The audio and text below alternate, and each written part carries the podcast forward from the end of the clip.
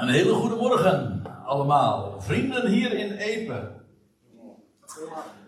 Het is mijn genoegen om uh, hier weer in jullie midden te mogen zijn. Dank voor de uitnodiging. Het heeft mij vanmorgen op een, uh, nou ja, wat heet, een tamelijk lange reis weer een uh, prachtige momenten opgeleverd. Want weliswaar, het is een trieste jaargetijde dat we ingaan. Maar God troost ons wel met geweldige kleuren hoor. Als je zo door de Veluwe rijdt en al die herfsttinten ziet. Prachtig. Dus ja, u hebt mij daarop allemaal getrakteerd door alleen maar mij op deze dag uit te nodigen. Wat ik vanmorgen graag wil doen eh, met jullie is bepalen bij het onderwerp wat, we, wat ik hier achter geprojecteerd heb. Voor of door onze zonde. Dat, dat moet ik natuurlijk even toelichten. Want. Moment. Weliswaar. Uh, waar het, uh, het, thema aan refereert, is een heel bekend. Hè? Uh, want we zullen straks de tekst ook als eerste gaan bezien. Namelijk die uitdrukking die Paulus gebruikt in de brief van en de Corinthiërs, dat Christus stierf voor onze zonde. En ja, dat is wel een van de bekendste frasen, uitdrukkingen die we ja, onder, als gelovigen onder elkaar, maar ook in de christenheid in het algemeen, uh, gebruiken. Uh, hij stierf voor onze zonde en daar zit de suggestie in alsof het uh, allemaal hele bekende stof is. Maar wat blijkt bij navraag, dat er heel veel verwarring over bestaat. En, en er zijn ook heel veel dissonanten in. En daar wil ik vanmorgen graag eens op wijzen, zodat we dit scherp voor de geest gaan krijgen. Want wat is namelijk het verhaal? Dat er in de eeuwen die aan, uh, aan de onze zijn voorafgegaan, uh, nogal wat scheefgroei is geweest. En dat is een eufemisme, dat zacht uitgedrukt. Want ja, daar zijn uh, heel veel theologieën. En ik wil, uh, ik, om, om eens te beginnen, wil ik u bepalen bij de Heidelberger Catechismus. Ik ben hier op de Veluwe, dus voor velen van jullie mag ik aannemen, zal het redelijk bekend zijn als ik hierna verwijs. Want ja, dit is onder alle Calvinistische kerken, is dat het leerboek bij uitstek. 52 zondagen telt de catechismus. En in vraag 40 luidt dan de vraag: uh, waarom heeft Christus zich tot in de dood moeten vernederen? Nou, goede vraag. Ja, uh, waar het dan om gaat is uiteraard het antwoord, want dat is de catechismus. Het is een leerboek die eigenlijk vragen en antwoorden geeft. En het antwoord luidt de, zo. Daarom, het is wat oud-Nederlands uh, geformuleerd, maar vrij helder lijkt mij toch. Daarom dat vanwege de gerechtigheid en waarheid van God niet anders voor onze zonde kon betaald worden dan door de dood van de Zoon Gods. Met andere woorden, de Heer moest sterven. Waarom? Omdat dat een betaling was voor onze zonden. En dat lijkt heel erg vanzelfsprekend ook, en dat klinkt ook bijbels, maar laten we voordat ik daar nou op inga, nog even wat andere bronnen raadplegen. Ik heb hier, dit is een, een plaatje waarbij ik wat tekst heb overgenomen van de website van de Evangelische Omroep. En dan wordt haar ook op ingegaan, op diezelfde vraag. En dan, dan wordt er dit gezegd, omdat hij, en dan gaat het over Jezus, geen straf voor zonde verdiende. Die lijkt me duidelijk. Hij was straffeloos, hij was onberispelijk omdat hij geen straf voor zonde verdiende, kon hij die straf in de plaats van anderen vrijwillig op zich nemen. In zijn dood aan het kruis heeft hij dus plaatsvervangend, is een heel belangrijk begrip in dat verband, heeft hij plaatsvervangend onze straf gedragen. Dit betekent dat de straf voor onze zonde al is betaald. Waarbij het idee dus is dat Jezus stierf en dat was een schuldbetaling van Jezus aan God. Wij konden de schuld niet betalen, maar hij kon dat wel. En dat is de betekenis dan van het kruis. Hij moest sterven. God moest, uh, eiste straf. Laat ik het, uh, zonder dat ik het nou zelf uitleg, laat ik nog een uitleg geven van Josh McDowell. Dat was een, uh, wat is een apologeet, de man leeft nog als ik me niet vergis, een Amerikaan. Hij heeft een prachtig boek geschreven, meer dan een timmerman, More Than a Carpenter. Maar ik moet erbij zeggen, er zit ook wel nogal wat ruis in, om zo te zeggen. Wat allerlei valse theologie. Ik zal dan, daar een voorbeeld hiervan geven. dan, dan zegt hij in dat boek, toen hij, Jezus, daar gaat het over, naar het kruis ging, bijna 2000 jaar geleden, stortte een heilige, rechtvaardige God zijn toorn uit over zijn zoon. En toen Jezus zei: Het is volbracht, en daar verwees zojuist Herman al naar, naar die tekst in Johannes 19. Toen Jezus zei: Het is volbracht, was Gods rechtvaardige aard tevreden gesteld. En dan lees je nog even verder.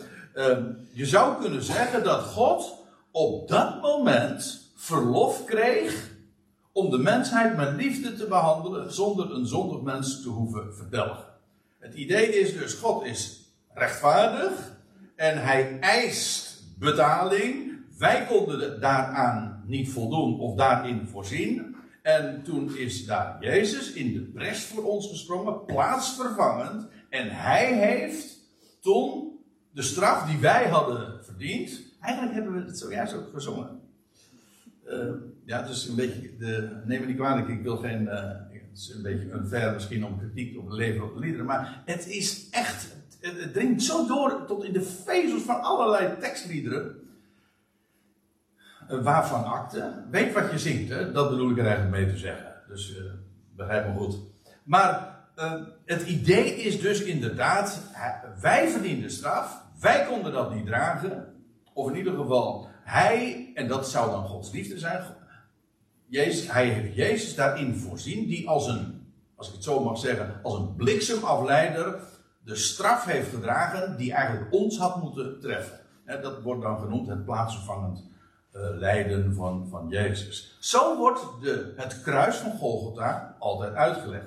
Jezus stierf voor onze zonde. Wat betekent dat? Wel, wij konden de zonde, uh, of in plaats van dat wij dat de straf hebben gedragen, heeft hij de straf voor onze zonde gedragen. Dat is de betekenis die eigenlijk meekomt gewoon in ons denken wanneer die uitdrukking gewezen wordt. En ik ga u vanmorgen vertellen, hou u vast, vast in seatbelts, dat het waar is. Maar ik wil, ik wil dat niet alleen maar een bewering doen, want dan, daar schiet u niks mee op. Ik wil u gewoon vanuit de schrift laten zien wat de betekenis is van de term. En, die is, en dat is niet alleen maar om de bewijs stellen, maar ik wil u ook daarmee laten zien hoeveel mooier en geweldiger is. Want eigenlijk is dit ook eigenlijk een heel erg verschrikkelijk beeld. God, alleen al neem die laatste zin. God kreeg verlof. Hij kon ons niet zomaar. God kon ons eigenlijk niet vergeven. Hij moest eerst een schuld betaald worden. Feitelijk zegt men wel, sorry dat ik het zeg, maar het moet gezegd worden. In feite is er dan niet eens sprake van vergeving. Want als de straf gedragen is, als de schuld betaald is, wat moest God ons dan nog vergeven? Als u mij iets schuldig bent, en een ander die betaalt voor me, uh, en een ander betaalt voor u. Dan hoef, dan ik u toch niks meer te vergeven. Dan is, er, dan is er aan de schuld voldaan. Dus in feite de hele begrip vergeving van God wordt leeg gemaakt. Oké. Laten we eerst eens naar, die schrift, naar het schriftgedeelte toe gaan, 1 Korinthe 15. Ik, ga een heel aantal uh, plaatsen noemen. Want ja, u bent natuurlijk niet zomaar tevreden. U zegt van, uh, André, wel, als je iets beweert, prima, maar dan wel de bonnetjes erbij. En dat is de rechte instelling. Dus check het of het waar is wat ik zeg. 1 Korinthe 15. Daar zegt Paulus dit in vers 3. Ik lees vooruit, in principe uit, en we geven daar zo af en toe een, een kleine correctie, maar dan geef ik dat aan met een cursivering, een schuingedrukte tekst. Daar staat dit. Want voor alle dingen, dat zegt Paulus, schrijft hij aan de Corinthiërs, voor alle dingen heb ik u overgegeven hetgeen ik zelf ontvangen heb. En, en dan gaat hij een drietal dingen noemen die hij, die als het ware het ABC van de boodschap vormen die hij daar onder de Corinthiërs, maar elders ook, heeft gebracht. Ik bedoel, er zijn een heleboel dingen te vertellen. De, hij bracht de rijkdom van, ja, van, van de schriften bracht hij tot zijn publiek, uiteraard. Hij was een heraut, hij was een leermeester, hij had zoveel te melden. Maar het begon allemaal voor alles met een drietal dingen, een ABC. Uh, en dan zegt hij, Christus is gestorven, of Christus stierf, voor onze zonde. Trouwens, in het Grieks, dat zeg bij deze even, worden in dat verband verschillende voorzetsels gebruikt. Hier het Griekse woord uh, voorzetsel over, en dat betekent idiomatisch meestal uh, vanwege, of om, of ten behoeve van. En dat blijkt dus als je een concordantie pakt en je kijkt naar uh, hoe dat woord dan meestal vertaald wordt, is dat hangt een beetje vanaf hoe dat dan in het Nederlands uh, het beste overkomt. Oké, dat, dat, is één ding. Hij stierf vanwege, of voor, of om, of ten behoeve van onze zonde. Uh, naar de schriften. Ik heb het onderstreept. Waarom? Omdat we dat ook inderdaad na willen gaan. Want uh, hij doelt dan met name op een passage in Jesaja 53. Als u een Bijbel met kanttekeningen hebt of een Bijbel met schriftverwijzingen, waarin de, uh, de, de kantlijn uh, een verwijzing staat dan, waar dat nog meer staat, dan zult u waarschijnlijk ook zien dat daar verwezen wordt naar Jesaja 53. En daar gaan we straks ook naartoe, maar eerst nog even dit. Hij stierf voor onze zonde, dat is één. En dat is naar de schriften, dat wil zeggen in overeenstemming met wat in de Hebreeuwse Bijbel, ons Oude Testament, de Tenach, al stond geschreven. Dus het is niet alleen maar zo van dat hij stierf voor ons, maar dat is, het was ook de vervulling van wat voorzegd was. Het stond al genoteerd, het stond al in het script. En Paulus verwijst naar de schriften. Het moest zo gebeuren. Het is, het is dus de vervulling van. En als ik u erop wijs bijvoorbeeld dat de Heer Jezus stierf op de dag van het Pascha, ja, dan is alleen dat gegeven al een bewijs uh, van wat ik nu zeg, hè, of van wat Paulus hier zegt. Namelijk, hij stierf naar de schriften. Hij stierf op die dag dat God al 15 eeuwen tevoren had bepaald, op die dag zal het Pascha worden geslacht. En hij is het ware Pascha, zo zegt Paulus trouwens in dezezelfde brief. Oké, hij stierf voor onze zonde naar de schriften. En hij is begraven, dat is het tweede.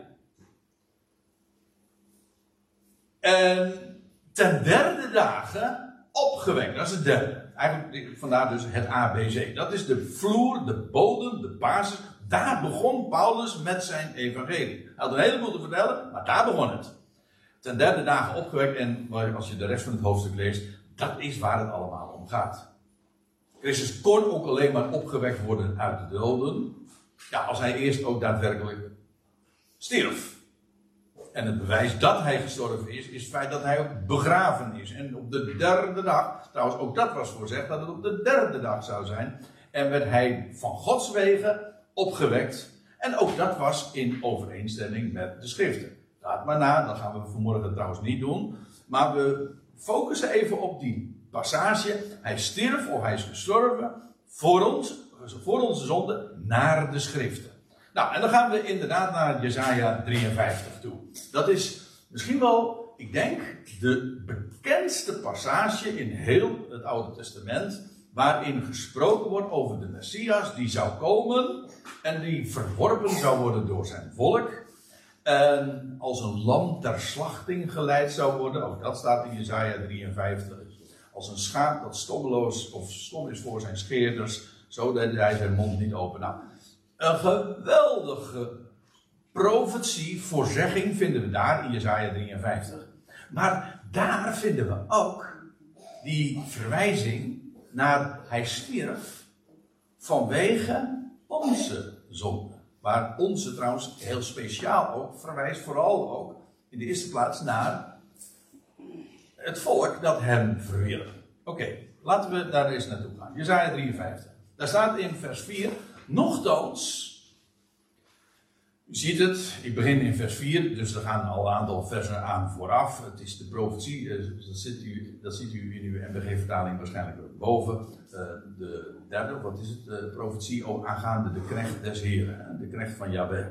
En, en dan wordt hij beschreven, en dan staat er in vers 4: Nochtans, onze, onze ziekte heeft hij op zich genomen. Trouwens, deze tekst, die wordt dan ook weer aangehaald in, ergens in Matthäus, waar we lezen dat de Heer Jezus in het land zijn bediening had. Hij sprak het woord, hij predikte de boodschap van het koninkrijk dat nabijgekomen was. Maar dan lees je ook dat allen die tot hem kwamen om met ziekte en kwalen, die genas hij.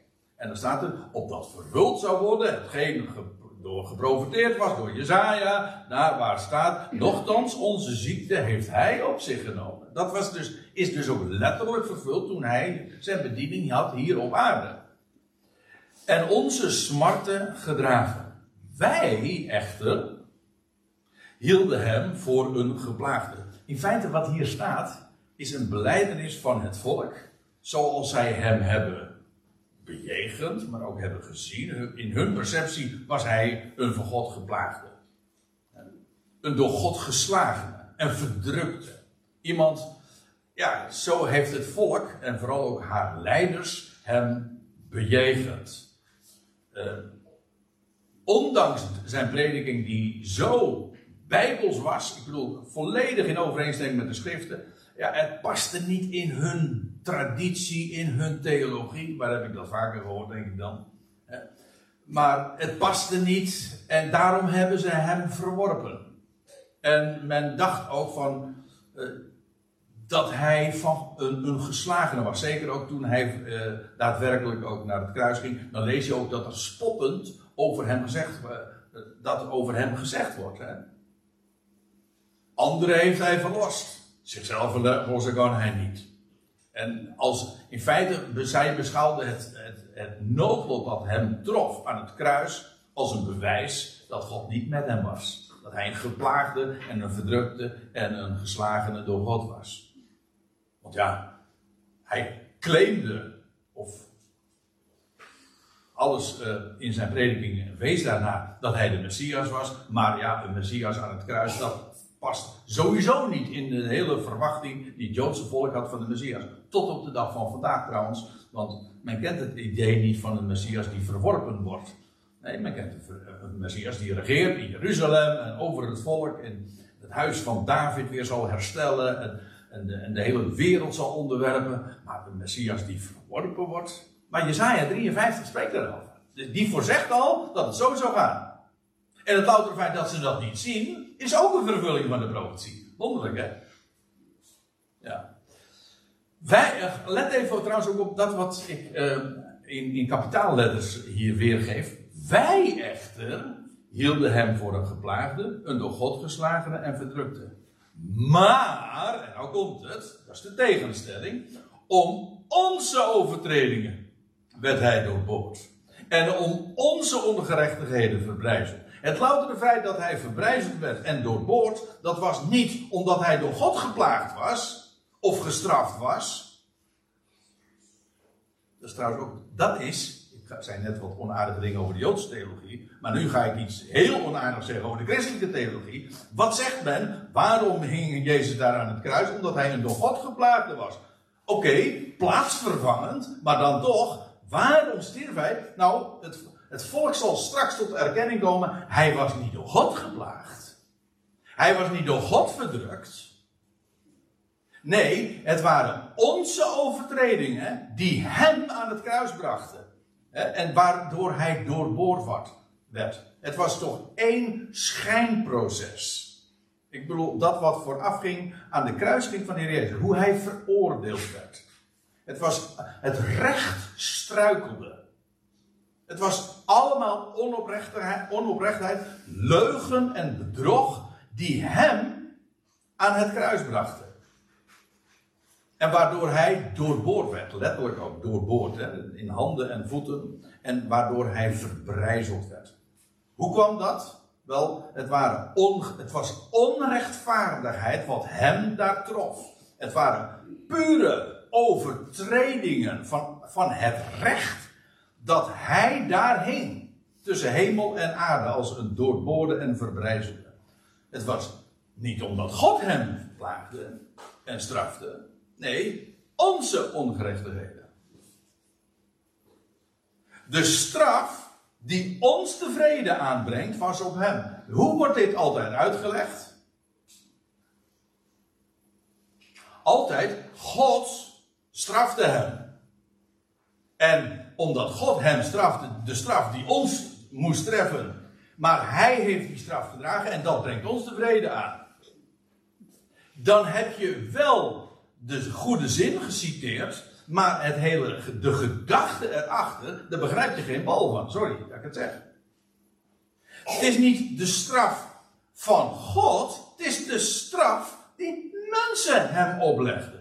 De doodstraf die uitgesproken werd. Het volk dat hem overleverde om te worden gekruisigd. Het volk deed dat en, Pilatus en de zijnen, die hebben daar Herodes, nemen en het Sanhedrin, de leiders, die hebben hem inderdaad gekruist. En zo trof hem de doodstraf. Maar juist, en dat zal straks het, het volk massaal en ook geheel in de wol ontnemen, zeggen ja, wij dachten dat, maar in werkelijkheid waren het onze overtredingen die hem daar brachten. Het volk ons volk heeft dat zo gedaan. En de straf die wij hem oplegden, die heeft ons uiteindelijk de vrede gebracht. Ik moet er trouwens meteen aan denken. Uh, ja, er zijn, er zijn prachtige typen, maar denk bijvoorbeeld aan de geschiedenis van Jozef. Jozef die verworpen werd door zijn broers. Het is eigenlijk haast één op één uh, te, uh, een parallel. De broeders, het huis van Jacob, dat is ook dubbelzinnig, verwierp hem was, dat was ook onrecht. Deze, deze jonge man, die, als, eh, die, die werd, die, die werd uh, verworpen en hij werd in de put geworpen. Maar het was puur onrecht. Waren overtredingen die hem daar in die put brachten. En vervolgens ook leugen en bedrog, wat ze ook weer wat ze, het verhaal wat ze aan hun vaders vertellen. Maar, en dat moet ik erbij zeggen, het moest gebeuren want via die route kwam Jozef in Egypte. En jaren later zou er hongersnood uitbreken. En toen kwamen de broeders naar Egypte. En incognito, dat wil zeggen, ze, herkenden hem nog niet. Maar hij heeft hem in leven gehouden. En later, als Jozef zich bekend maakt aan zijn broers, wat, zeggen, wat zegt hij dan? Als zij dan helemaal terugschrikken, hij zegt: Niet jullie hebben mij hier maar God heeft mij hierheen gestuurd om jullie in het leven te houden. Dus het waren hun overtredingen. Het was de straf die zij hem oplegden. Ja, maar het bracht hen de vrede. Dus in feite, dat wat ooit het huis van Jacob overkwam in verband met Jozef. Die ze, die jarenlang ook doodwaanden. Zoals het volk en trouwens de Messias nu nog steeds doodwaan. Ze zullen straks tot erkenning komen van wie hij werkelijk was. En de straf die zij hem hebben opgelegd, die zij hem opgelegd. Niet omdat God hem plaagde en verdrukte. Nee, zij deden dat onrechtmatig. Maar uiteindelijk zal hen dat alleen maar leven en geluk en voorspoed brengen. Het, was, het moest zo gebeuren. Zie je dat het een heel ander verhaal is. Maar ik wil u ook laten zien dat dat ook zo de prediking is in het hele boek de Handelingen. Als Paulus dit bijvoorbeeld zegt als het ABC van, eh, van het evangelie wat hij uitdoet, dan zegt hij, uh, ja, dat is wat ik vertel. Hij zegt, maar dat, dat zeggen de twaalf, mijn collega-apostelen ook hoor. Hij zegt, ik of zij, zo prediken wij. Kijk maar naar 1 Korinthe 15 vers, wat is het? Nou ja, 11 over 12 of zoiets. Maar hij, hij zegt daarmee van, dit, dit, deze basis is identiek, ook de twaalf predikten dat. Natuurlijk, Paulus had hele bijzondere dingen, dat weet u in dit gezelschap inmiddels wel. Hè? Hele bijzondere dingen te melden als het gaat om de basis van het evangelie. Christus stierf voor onze zonde, hij werd begraven en hij werd opgewekt op de derde dag na de schriften. Dat is de basis en dat predikt. En Paulus, dat is het getuigenis van het hele Nieuwe Testament, zonder uitzondering. En ik ga het u laten zien, want in een heleboel handelingen vind je dat terug. En ik ga u een heel aantal passages noemen, gewoon om om de bewering die ik doe, ook gewoon onder bewijs te stellen. Het is echt zo. Het is niet alleen heel logisch, maar de schrift zegt het eigenlijk van A tot Z. Altijd worden we daar weer bij bepaald. Oké, we gaan naar handelingen 2. De Pinksterdag. Ook dat was na de schriften, want dat was 50 dagen na die dag dat de Heer Jezus als eersteling werd opgewekt. Want ik zei net, hij stierf op de dag van de Pascha naar de schriften. Maar toen hij op de derde dag werd opgewekt, was dat de dag, ook een hoogtijdag van Israël. Namelijk de dag van de eerstelingsschoof. En vijftig dagen later was het Pinksterfeest. En wat gebeurde er toen? Nou, dat is wat je in Handelingen 2 leest. Dat is het wekenfeest of het Shavuot. Maar in, wezen praten we dan over een Bijbelse of een, een tenach of een, eh, een hoogtijdag waar de tenach al uh, melding van maakt. Handelingen 2. Petrus staat dan op. Uh, na die wonderlijke gebeurtenissen die daar plaatsvonden, een hele menigte droomt dan samen. Wat is hier in hemelsnaam aan de hand? Met recht in hemelsnaam, want dat kwam rechtstreeks van boven. En nou, dan gaat Petrus teksten uit te geven. Eerst wordt er natuurlijk nog die verdachtmaking gemaakt. Ah, die mensen zijn dronken joh, of zo. Want ze, wij, wij horen hen allemaal. Ik bedoel, al die buitenlanders die daar verzameld waren. Die horen hen spreken in zijn, ieder in zijn eigen taal. Dit is, dan denk je eventjes uh, dat je zelf niet bij zinnen bent of dat zij het niet zijn. Nou, dat is de insinuatie die daar ook uh, uitgesproken werd. Maar goed, Petrus gaat dan een verhaal doen, heel nuchter. En wat hij doet, is, hij was zeer op de hoogte van de schriften. Wat hij doet is gewoon voortdurend de schrift aanhalen. Handelingen 2, vers 22.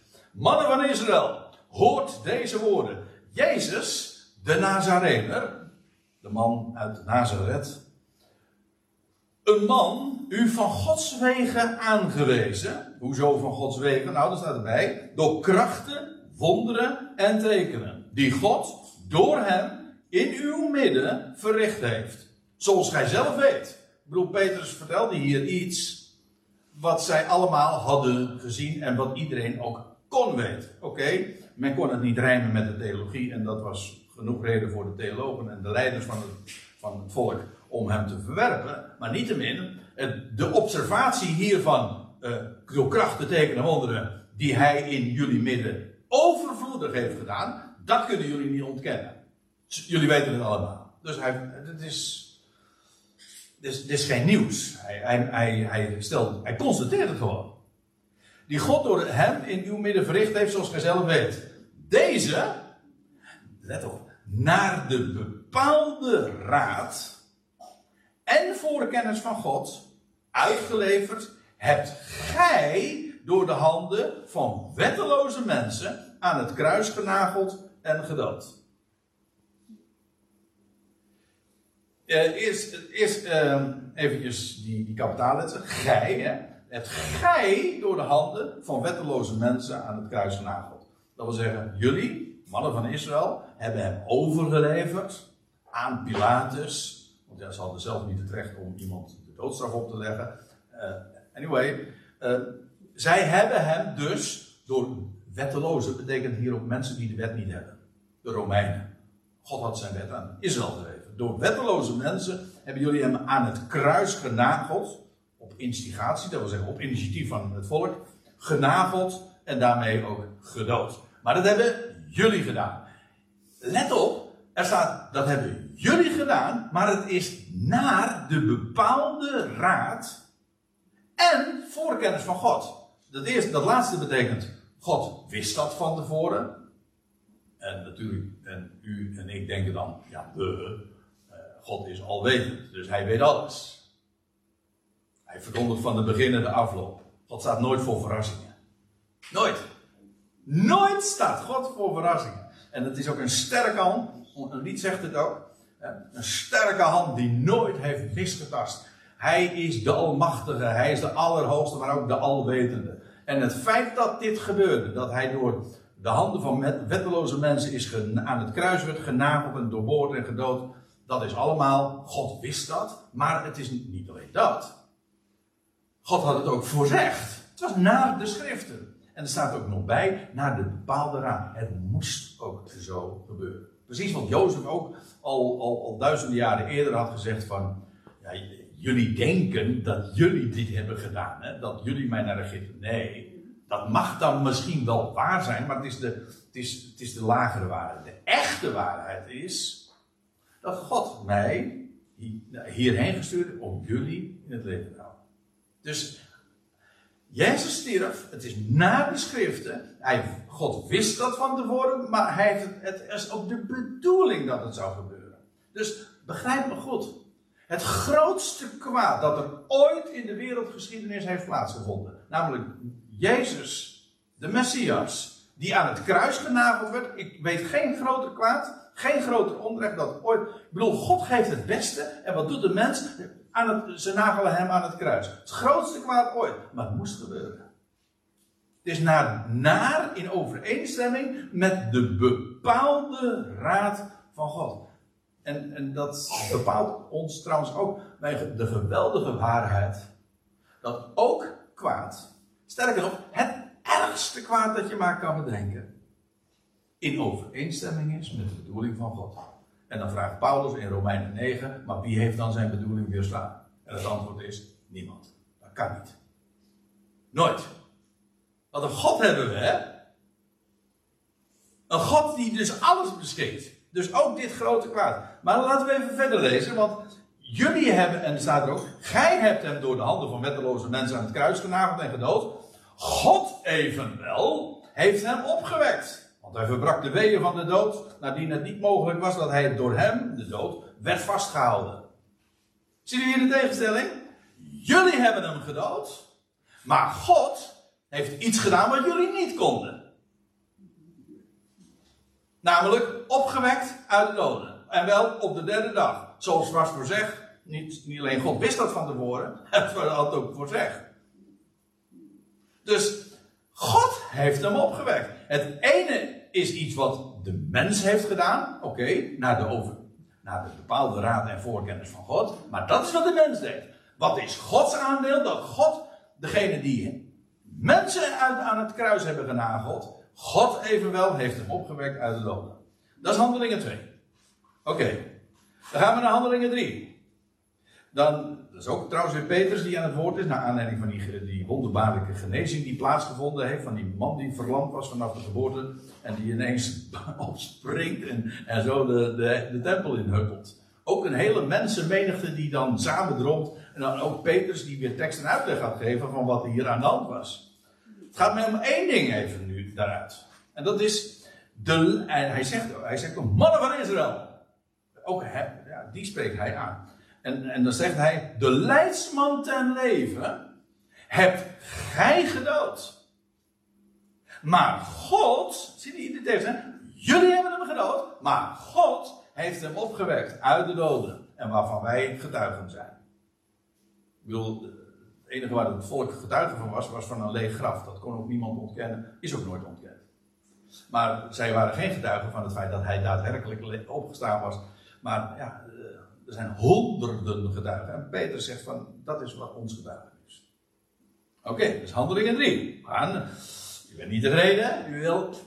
Oké, dan gaan we verder. Handelingen 4. Ik, waarom ik dit ook doe, niet alleen maar om iets onder bewijs te stellen, maar om ook te laten zien dat dit de clue is van de boodschap die telkens klinkt. Het is echt ABC dus. En daarom vind ik het ook uitermate belangrijk om dit scherp voor de geest te hebben. En dat je goed begrijpt waar het over gaat. En dat je niet allerlei dissonanten van ja, God straft hem en, God moest hem, uh, God, uh, God heeft hem die straf opgelegd. Niks daarvan. Mensen hebben dat gedaan. Het waren overtreders en onrecht die hem aan het kruis brachten. En het was God die hem opwekte uit de doden. Je moet wel de goed de verhoudingen zien. Hè? Wat de mens doet, dat is wat de mens doet. Een mens kan moorden. Maar wat een mens geen mens kan, dat is iets, een man die drie dagen in het graf ligt, dood, uit de dood opwekken. Eens voor altijd en daarmee de dood achter zich laten. Oké, handelingen 4. Dan moet aan u, ook, dan is, weer, dan is Petrus ook weer die aan het woord, opnieuw aan het woord is, meestal, en, en Petrus staat daar met Johannes, ook voor het erin. en dan staat er, dan moet aan u allen, en het ganse volk van Israël bekend zijn dat is hier het, die wordt hier geadresseerd.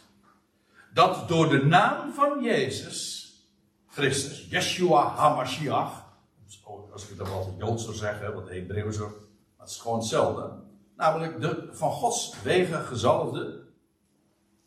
Jawel is redder, Jezus Christus. De Nazarene, die gij, of die je, staat eigenlijk meervoud, die jullie hebben gekruisigd. Maar die God heeft opgewekt uit de doden. Dat door die naam deze hier gezond voor u staat. Dit is eigenlijk nog het staartje van het hoofdstuk daarvoor. Want uh, Petrus gaat hier tekst uitgeven aan het Sanhedrin. Maar het is, het, gaat, het is naar aanleiding van hetzelfde. Maar ziet u ook hier weer. Jullie hebben hem gekruisigd. Maar God heeft hem opgewekt uit de doden. Dat zijn de verhoudingen. Laten we wel wezen. Dit is geen hogere wiskunde. Dit is simpel. Natuurlijk. Dit is wat mensen deden en enerzijds en wat God gedaan heeft anderzijds. Heel simpel. Weet je waardoor het ingewikkeld gemaakt wordt? Ja, Nicea. Er zijn, er gewoon menselijke bedenksels die theologie die dingen dan gaan verklaren in termen van Romeins recht. God kan niet zomaar vergeven, dan moet hij eerst straffen, dan moet eerst een schuld betaald worden. Dat is, we denken dat we bijbels denken. Dan. Het enige wat klopt is dat we refereren aan bijbelwoorden, maar die trekken we uit zijn verband en geven we een betekenis die totaal niet heeft. Dat hij stierf voor onze zonde, dus ja, vanwege onze zonde. En dan denken we van, oh ja, dat is natuurlijk om, om, de, straf op onze zonde te dragen. Dat staat er helemaal niet. Dat verzinnen we, dat projecteren we erin. En daarmee krijgen we een heel troebel en vaag, maar ook een, een, een karikatuur van God. Die niet kan vergeven zonder dat hij eerst uh, aan, aan zijn recht is voldaan. Dat is een heel Romeins rechtsidee, misschien. Zelfs daar blijf ik nog vanaf. Maar het is in ieder geval niet bijbels. Oké, dat is genoeg. Oké, handelingen 5. We gaan handelingen 2, handelingen 3, handelingen 4, handelingen 5. Oké. Okay. Ook daar weer de God van onze vaderen. Ook hier wordt uiteraard het volk uh, van Israël aangesproken. Heeft Jezus opgewekt. En wie is dat dan? Nou, die gij hebt gehangen aan een hout en omgebracht. Hier exact hetzelfde verhaal. Jullie overtredingen brachten hem aan het kruis. Maar God heeft hem opgewekt. Nou, nou sla ik een paar hoofdstukken over. Niet omdat daar tussen iets ligt wat, uh, wat niet eigenlijk hetzelfde verhaal. Maar goed, ik moet me toch een beetje beperken. Uh, handelingen 10. Daar is Petrus uh, inmiddels, ook weer Petrus, in het huis van Cornelius. Aan de kust, waar momenteel zoveel om te doen is. Hè, daar uh, in, het Joodse land. Maar nou iets daarboven, boven de Gazastrook dan. In Caesarea. En dan lees je dat hij ook daar, na allerlei wonderlijke dingen die daar dan plaatsvonden, hadden gevonden. En Petrus geeft dan opnieuw weer tekst en uitleg als de woordvoerder. En hij zegt hij, en wij, als gedelegeerden, als afgevaardigde apostelen, en wij zijn getuigen van al hetgeen hij gedaan heeft in het land van de Joden, zowel als te Jeruzalem. En zij, daar, de Joden, maar ook uh, zij daar in Jeruzalem, en zij hebben hem gedood door hem te hangen aan een hout. Wie hebben dat gedaan? Zij. Was het naar een bepaalde raad en voorkennis van God? Jazeker, maar zij hebben dat gedaan. Dat is de boodschap. Dat is wat telkens wikkeling. In feite is het gewoon observatie ook. Maar ik laat u ook zien. Dit is dus wat telkens gepredikt wordt. En dan staat er: Zij hebben hem gedood door hem te hangen aan een hout. En dan vervolgens: Hem heeft God ten derde dagen opgewekt en hij heeft gegeven dat hij verscheen. Nou ja, de tekst gaat verder, maar het gaat mij natuurlijk nu om dit punt, om die tegenstelling. Jullie, of zij hebben hem aan het kruis genageld, maar God heeft hem opgewekt ten derde dagen, zoals was voorzegd. Maar menselijk aandeel, goddelijk aandeel. Nog een schriftplaats, Handelingen 13. Ja, ja. Handelingen, dat is dus wel aardig, want dan zijn we inmiddels niet meer eigenlijk in uh, deel van, van Petrus, maar dan zijn we bij Paulus gearriveerd. Paulus die in het buitenland is, in dit geval in Antiochië. En dan is hij in, eerst gaat hij naar de synagoge toe. En daar, ja, dan vertelt hij ook weer het ABC, logisch. Wat doe je? Wat doe je? Als, je als jij een heraut bent, je moet iets uitdragen. en je hebt heel veel te vertellen en te leren en te onderwijzen, dan begin je bij het begin. Oh, feiten. De eerste, de meest fundamentele feiten. Het ABC. En dat doet uh, Paulus, net als Petrus eerder, doet Paulus dat hier ook. En dan vertelt hij een stukje geschiedenis, geeft hij context en dan zegt hij: En hoewel zij geen grond voor doodstraf konden vinden, die zochten ze wel, maar kijk maar naar Matthäus, Marcus en Lucas, dan lees je inderdaad, ze, ze alles uh, in het werk te stellen om uh, maar getuigen te vinden, maar er was niemand die kon getuigen. En, en als er gewoon getuigen waren, dan spraken ze elkaar tegen. Dus die, ja, dat, uh, ze konden geen grond vinden om hem ter dood te brengen. Totdat dan uh, de hoogpriester zijn kleed scheurt en die gaat dan uit de school klappen. Maar dat is een verhaal apart. Ik hou het even bij deze cryptische uitspraak.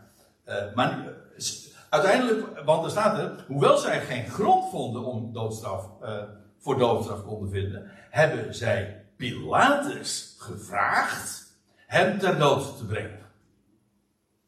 Uiteindelijk, het, is, het, zijn de Joden geweest natuurlijk, ja dat klinkt haast antisemitisme, maar zo doen uiteraard niet.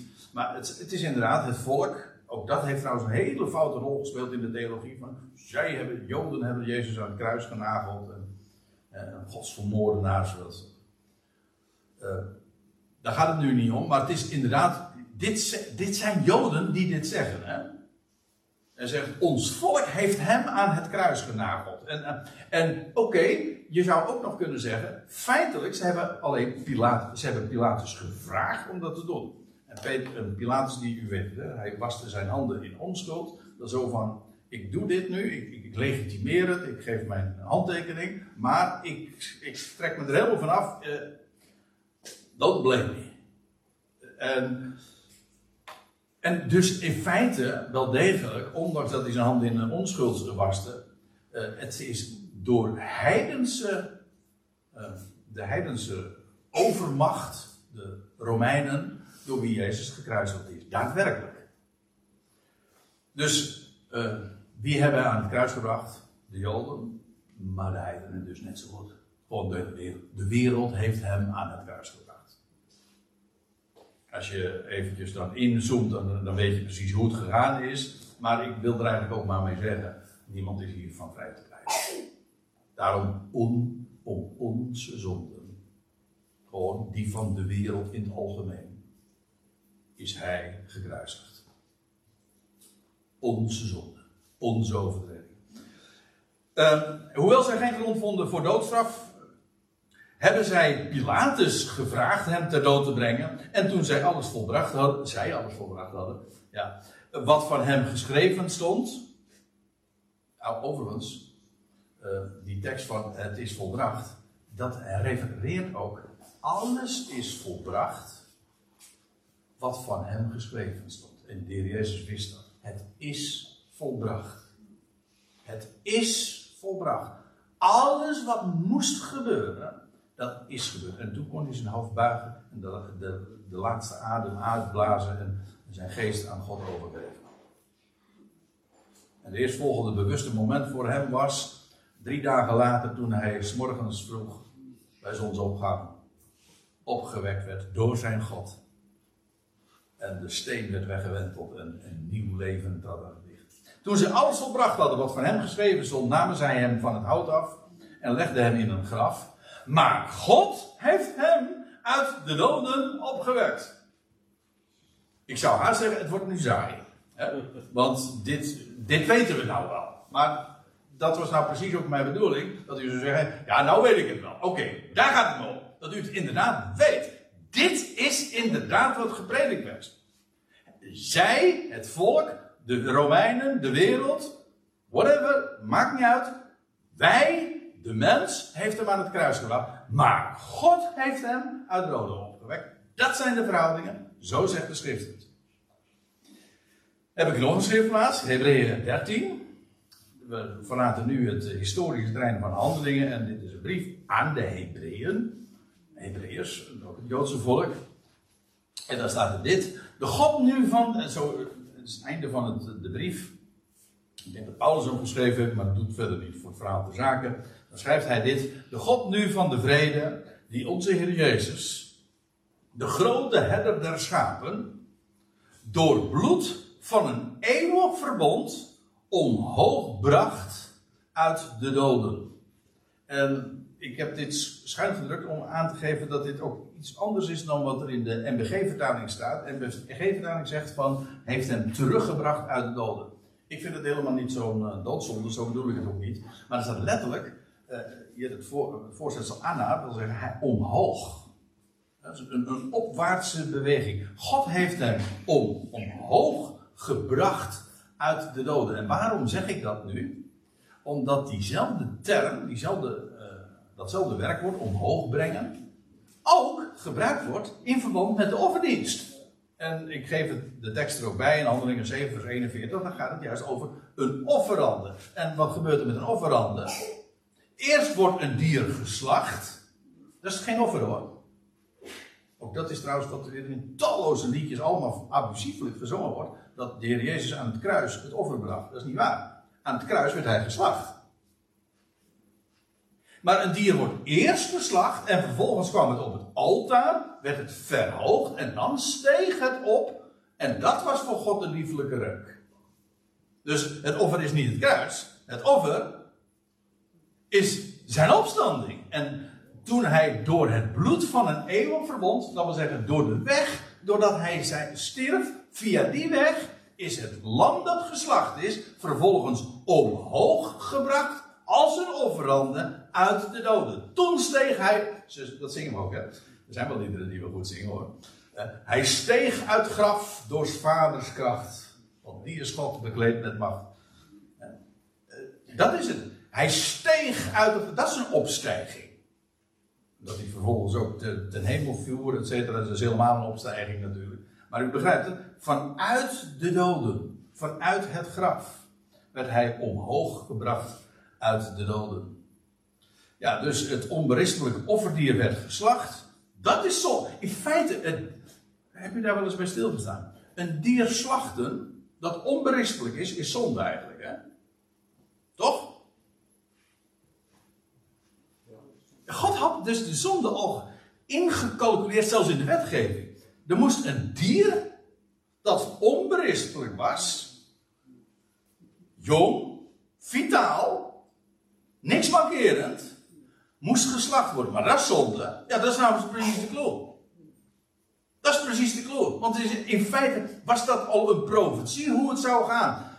Er zou iemand die onberispelijk is, die niets, aan wie niets te beschuldigen viel, die zou worden geslacht door de priesters. Ja, zeker, zo is het ook daadwerkelijk gegaan. Ik bedoel, door de leidslieden van het volk, de, priesters van het volk. Is hij geslacht maar God heeft hem vervolgens opgewekt uit de doden. Dat is het offer. En dat is voor God een liefelijke reuk. En dat begrijp ik ook. En dat begrijpt u ook.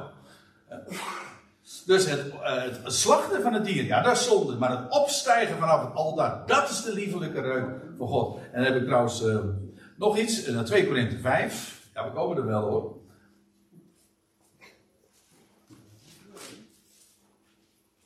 Het laatste vers van 2 Korinthe 5.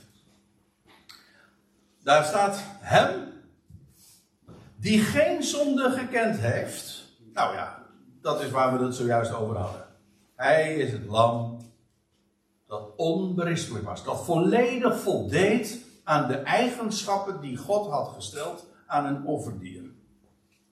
Ja, maar hem die geen zonde gekend heeft, heeft hij voor ons tot zonde gemaakt. Dan moet ik u nog iets vertellen.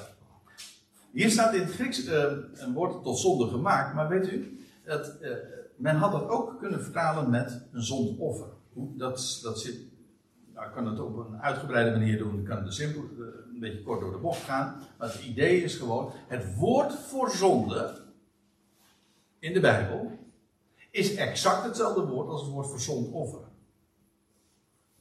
taaltechnisch is dat soms lastig, want soms weten we niet eens waar, hoe men het moet weergeven. Maar dat, dat demonstreert precies mijn punt. Zon, een, zondoffer, een dier dat geslacht wordt, dat is juist zonde. Een onberispelijk dier dat geslacht wordt, is zonde.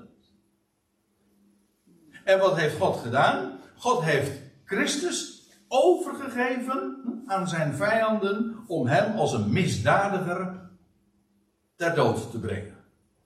God heeft hem, zegt Romeinen 8, God heeft hem voor ons allen overgegeven aan zijn vijanden.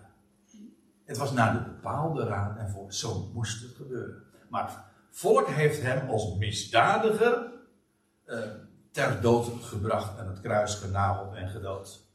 En zo is hij tot zonde gemaakt. Dan staat erbij, opdat wij zouden worden gerechtigheid Gods in hem. En dat spreekt van zijn opwekking uit de doden. Hij werd tot zonde gemaakt aan het kruis. Als een misdadiger stierf hij daar. Maar waarom was dat? opdat hij zou kunnen worden opgewekt uit de doden. En dat God daarmee ook laat zien dat hij werkelijk genadig is en verzoend. Weet u, het grootste kwaad dat de mens doet, verhindert God niet om aan de wereld een leven te geven. Het was niet God die hem daar strafte. hoe meer ik er nu aan denk, terwijl ik hierover spreek, denk ik, wat een afschuwelijke karikatuur hebben we daarvan gemaakt. Dat God, daar, dat, dat Gods toorn gestild moest worden en dat, dat, eh, dat Jezus daar de straf droeg. Nee! De mens deed hem dat aan. Het moest gebeuren. En omdat God juist daardoor inderdaad zijn genade zou bewijzen. Namelijk door hem, Christus, op te wekken uit de doden. Omdat wij zouden worden gerechtigheid Gods in hem. Dat wil zeggen, in dat nieuwe leven, in dat nieuwe leven dat God aan deze hele mensheid uiteindelijk gaat geven, ieder in zijn eigen rang worden, ja, daar worden we volmaakt. Dan krijgen we het leven dat Hij aan het licht bracht toen op die derde dag. En daarin zijn wij rechtvaardig. Volmaakt. Onberispelijk. Geweldig, hè? En dan heb ik er nog één. Dat is de laatste. Uh, want we lazen hier over, uh, die geen zonde gekend heeft, heeft hij van ons tot zonde gemaakt, opdat wij zouden worden gerechtigheid Gods in hem. En dan kom ik bij uh, de elfde schriftplaats, Romeinen 4. En daar vind je ook weer in het laatste vers van het hoofdstuk. En het gaat daar over de Heer Jezus. Die is overgeleverd vanwege onze overtredingen hier staat trouwens eh, weer een andere voorzetsel. Ik zei al, Huber en Dia. Ik ga, we gaan het niet ingewikkelder maken dan het is. Maar het idee is hier natuurlijk exact hetzelfde. Hij werd overgeleverd door, eigenlijk dat is wat dia betekent, door en vanwege onze overtredingen.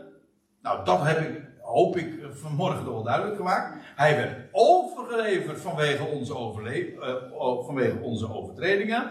En opgewekt Vanwege onze rechtvaardiging. Dat wil zeggen, God wekte hem op. Uiteraard, dat is wat God deed. En waarom? Om ons te rechtvaardigen. En dan gaat Romeinen 5 verder, hè, want dit is het laatste vers van Romeinen 5. En dan, gaat, en dan gaat Paulus in Romeinen 5 vertellen hoe ver dat strekt. En dan zegt hij: Door één mens is de zonde in de wereld gekomen. En, de en door de zonde de dood. En de dood is doorgegaan tot alle mensen. En alle, alle mensen zijn stervelingen en zondaren. Maar zoals door één daad heel de wereld veroordeeld is om zondaar en sterveling te zijn, zo ook door één daad dat heel de mensheid wordt gerechtvaardigd. Oké, niet allemaal tegelijk, maar het feit staat. Wat een evangelie, hè? Overgeleverd om onze overtredingen. Om onze zonde, vanwege onze zonde. Maar God heeft hem opgewekt uit de doden. En het ganse volk zei, Oké.